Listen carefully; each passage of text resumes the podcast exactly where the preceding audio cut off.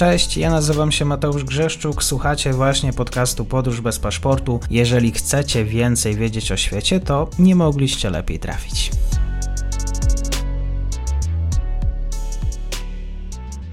Partnerem odcinka jest Oanda, TMS Brokers, dom maklerski obecny na rynku już od ponad 20 lat. W opisie odcinka znajdziecie link do aplikacji, której możecie otworzyć konto maklerskie i grać na giełdzie, a wcześniej potrenować na koncie demonstracyjnym. Jeżeli otworzycie konto za pośrednictwem tego linku, dostaniecie na start książkę o tematyce inwestycyjnej. Zapraszam, Mateusz.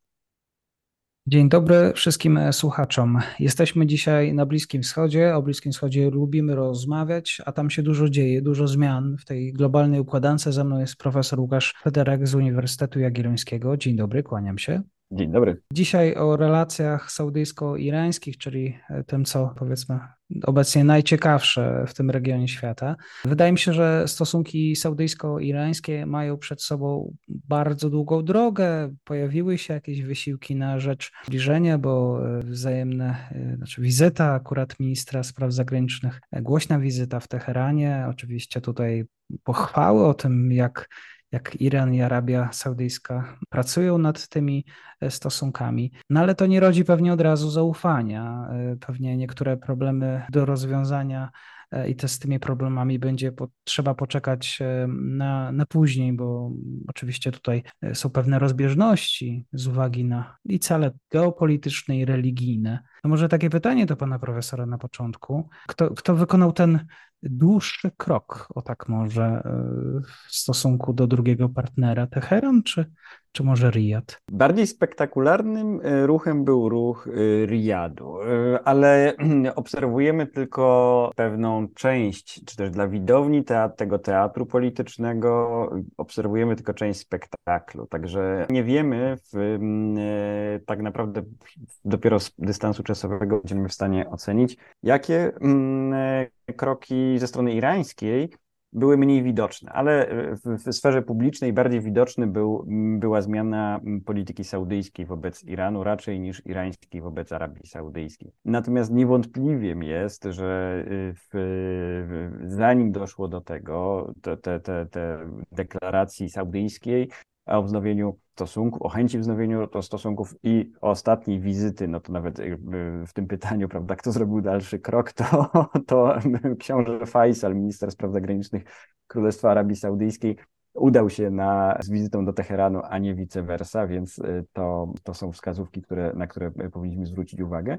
Natomiast, mm, jak powiadam, e, w tle toczyły się bardzo, bardzo intensywne negocjacje, które zaangażowany był przede wszystkim stały pośrednik w, pomiędzy pomiędzy Riyadem i Teheranem, czyli Oman, który ma taką bardzo ciekawą pozycję na Bliskim Wschodzie w cieniu, bardzo daleko od e, pierwszych nagłówków gazet, ale bardzo intensywnie dyplomacja omańska od lat zresztą e, pośredniczyła w tych kontaktach. Mhm. Oman był akceptowany jako taki pośrednik. No, chociaż też w ostatnim jakby miesiącach został odsunięty na plan dalszy przez tego mediatora bardziej e, ważnego, tego, tego wasita, jak to po arabsku się nazywa właśnie taka osoba mediatora, czyli przez przewodniczącego Xi Jinpinga e, mhm. z Chin, który to porozumienie saudyjsko-irańskie mógł zdyskontować jako mm, budujące też pozycję Chin jako globalnego mocarstwa zaangażowanego mhm. także w regionie,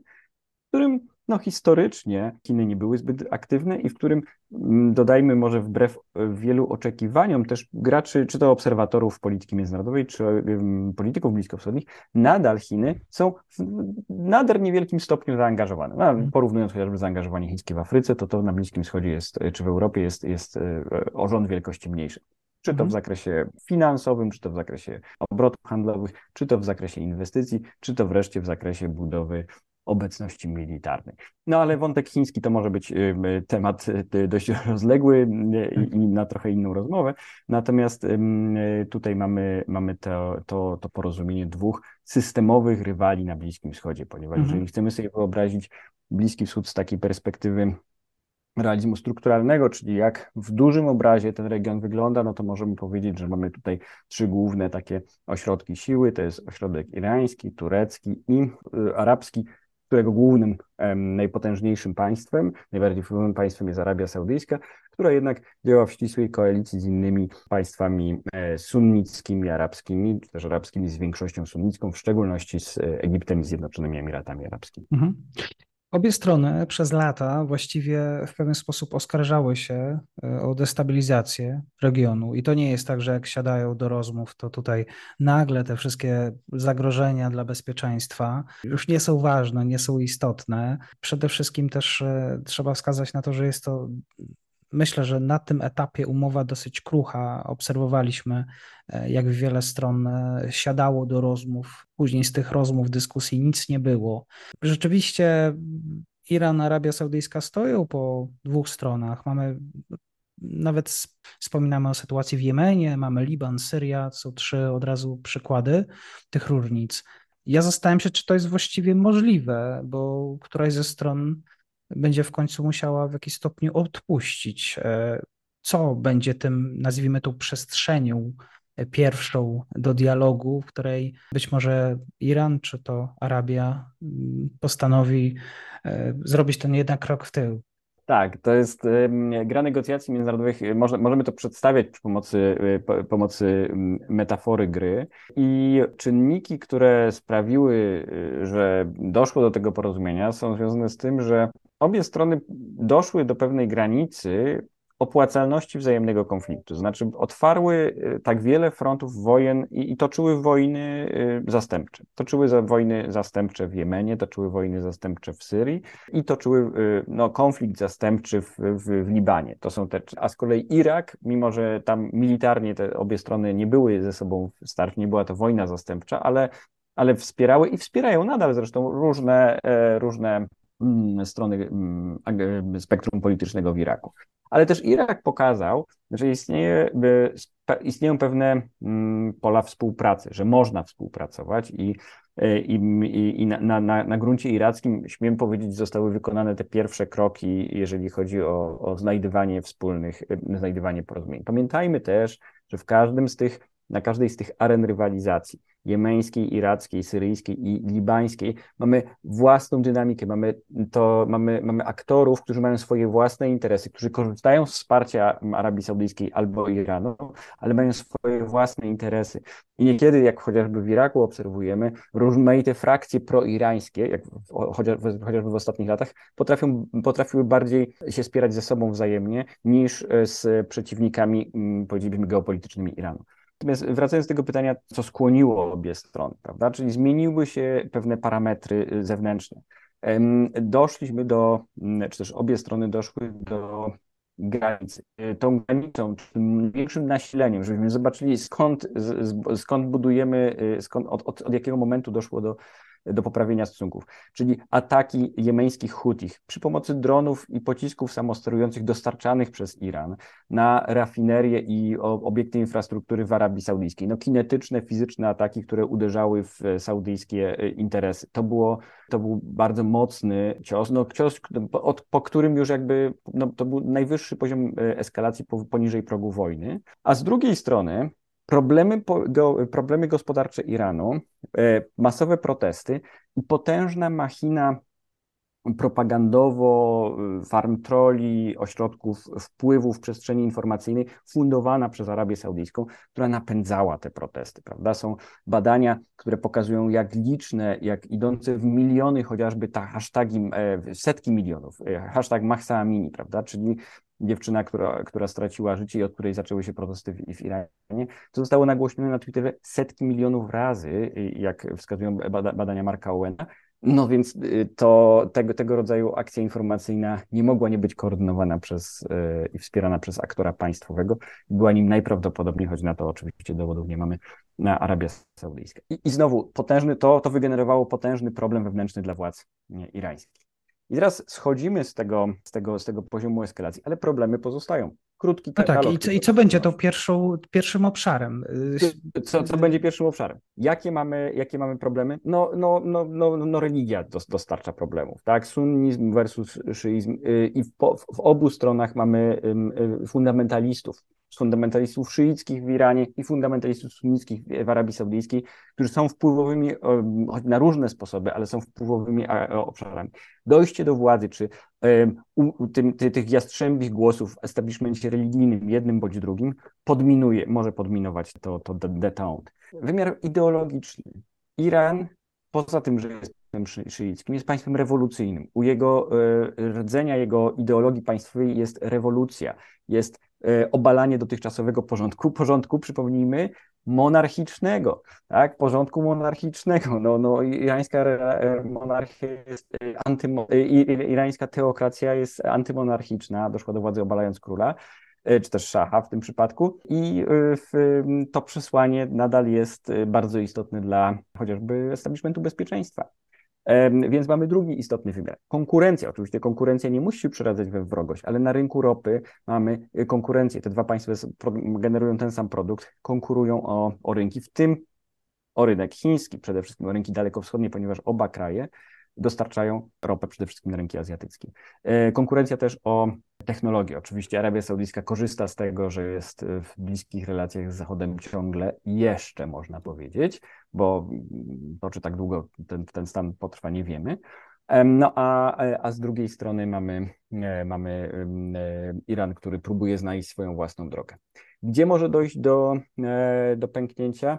Mogą być to interesy związane z ropą. Może być to Syria, w której Bashar al-Assad jest znowu stosunkowo, będzie próbował balansować interesy irańskie napływem gotówki saudyjskiej. Będzie próbował wygrywać obie strony przeciwko, przeciwko sobie.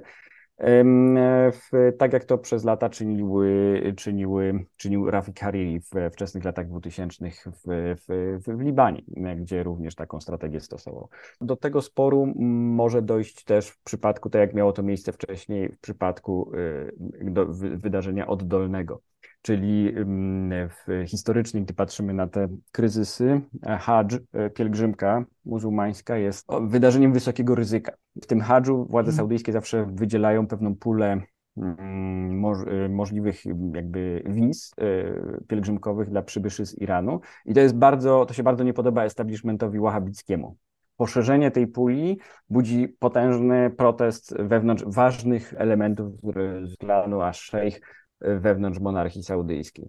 E, Irańczycy teraz będą po potrzebowali, będą e, chcieli pokazać, że ta poprawa relacji przynosi efekty, że więcej pielgrzymów może udać się na hacz do Mekki i Medyny, a Saudowie, gdy, gdy, gdy, gdy, gdy książę koronny e, Mohammed bin Salman przyzna taki duży kontyngent, napotka opór, który już napotyka, no bo napotyka opór salafitów przez to, że no, próbuje reformować państwo i osłabiać ich, ich kontrolę jakiś incydent w trakcie tej pielgrzymki, to znaczy, gdy pielgrzymi szyicy zostaną zaatakowani, zdeptani, tu dojdzie do jakiegoś rozlewu krwi, to historycznie wszystko może przynieść przynieść taką dynamikę, która wywróci ten, e, ten proces pojednania. Ale zwróćmy uwagę na jeszcze jeden czynnik, który, y, który, który umyka, gdy patrzymy na porozumienie tylko z perspektywy stosunków międzynarodowych. Tym czynnikiem jest sukcesja. Obydwa reżimy, gdy spoglądamy na nie jako na systemy władzy, stoją przed problemem sukcesji. Problemem, który jest bardzo destabilizujący. Znaczy, zarówno e, król Salman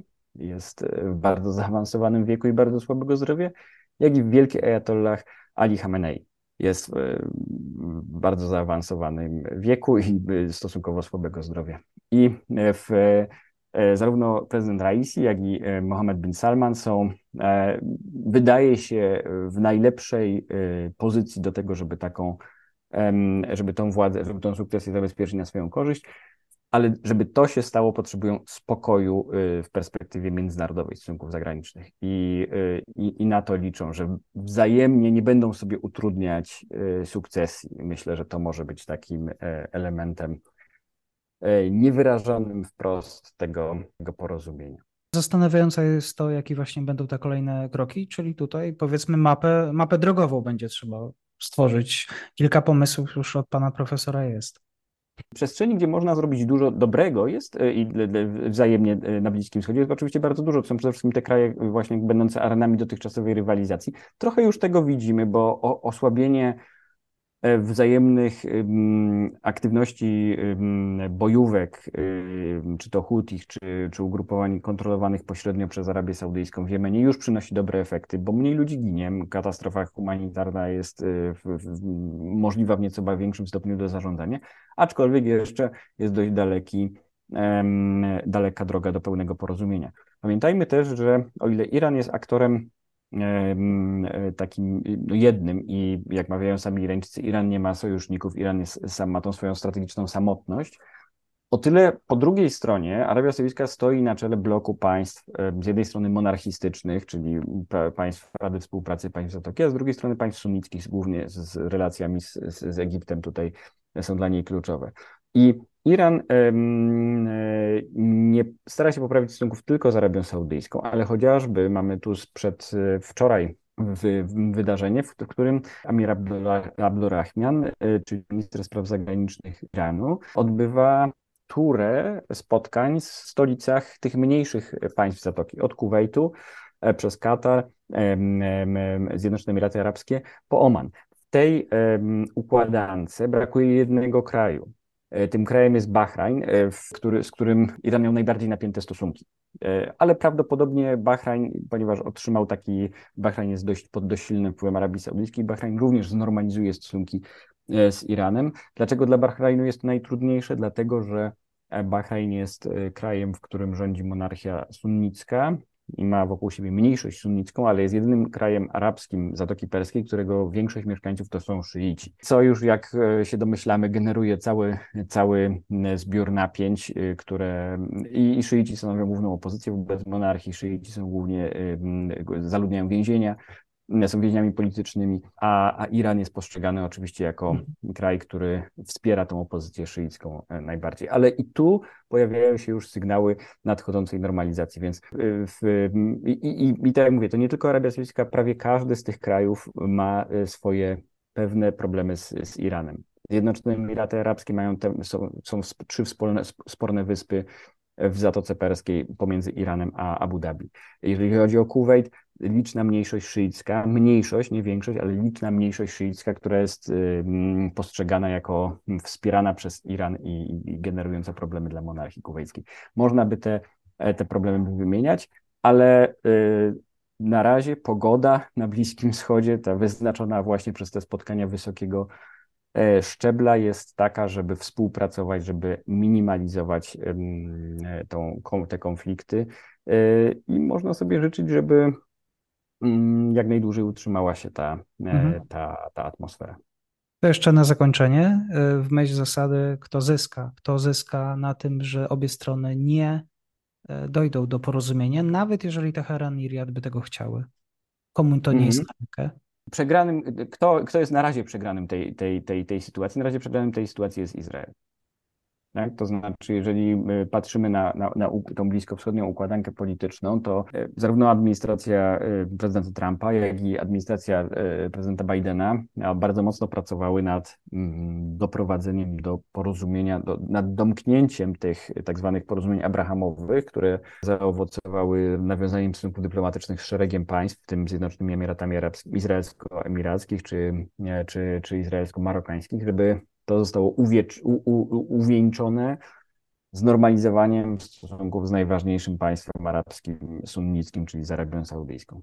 No i do tego raczej do, w tym momencie nie dojdzie. E, Saudowie mówią, my mamy otwarte kanały dy, dy, dyskusji z Iranem, jeżeli Izrael nie chce spełnić naszych warunków i Stany Zjednoczone nie chcą naszych warunków spełniać, a przypomnijmy, że te warunki, które Saudyjczycy kładli, niektóre są no, bardzo trudne do spełnienia, bo one dotyczyły chociażby no, praw Palestyńczyków, które dla aktualnej koalicji rządzącej w Izraelu są absolutnym niemożliwe do spełnienia. E, powiada się też na Bliskim Wschodzie, że Saudyjczycy też wystawiali pewne żądania wobec Stanów Zjednoczonych, że oni znormalizują stosunki z, z, z Izraelem, ale coś muszą otrzymać i tym czymś miała być chociażby technologia e, nuklearna do celów cywilnych, e, ale, ale jednak Amerykanie nie są tak bardzo skłonni, żeby ją przekazywać Saudyjczykom. W związku z czym Arabowie, Saudy, Saudyjczycy teraz mówią, no to nam się nie spieszy, my Iran to jest problem dla Izraela, to jest problem Stanów Zjednoczonych, ale to już nie jest tak duży problem dla nas, ponieważ my się porozumieliśmy e, z Iranem. Z drugiej strony Irańczycy y, pokazują też mm, Zachodowi, Amerykanom, że oni nie są aż tak izolowani jak wcześniej. Oczywiście to, że rozmawiają z Arabią Saudyjską nie znaczy, że znikają sankcje, ale chociażby pojawia się szersze pole na obchodzenie tych sankcji, co na pewno niepokoi y, Waszyngton i stolice europejskie, e, ale też może motywować, y, o czym też się powiada, do przyspieszenia negocjacji z, w sprawie programu atomowego Iranu, czy też jego zastopowania bądź, bądź zamrożenia, bo choć niewiele o tym mówi się w przestrzeni y, publicznej, to takie techniczne negocjacje, e, one się nadal toczą i od czasu do czasu do, do, mediów docierają, no nazywać to trzeba pogłoski czy, czy plotki o tym, że wbrew pozorom, wbrew temu, że nie ma szerokich zapowiedzi, czy też jakichś zapowiedzi na wysoki, wysokim szczeblu, posuwają się do przodu te rozmowy i, i, i, i co, co może doprowadzić do potencjalnie ponownego nawiązania e, relacji chociażby gospodarczych z Iranem przez, przez kraje tak zwanego szeroko pojętego Zachodu. Ja jestem ciekaw, co zrobi Izrael, żeby do tego porozumienia e, nie doszło, ale to może temat na inny odcinek. E, bardzo dziękuję panie profesorze za dzisiejsze spotkanie. Dziękuję również. I to już koniec na dzisiaj. Zapraszam na profil podcastu Podróż bez paszportu na Facebooku, Instagramie i Twitterze. Zachęcam też do wsparcia mojej pracy na serwisie Patronite oraz Buy Coffee. Do usłyszenia.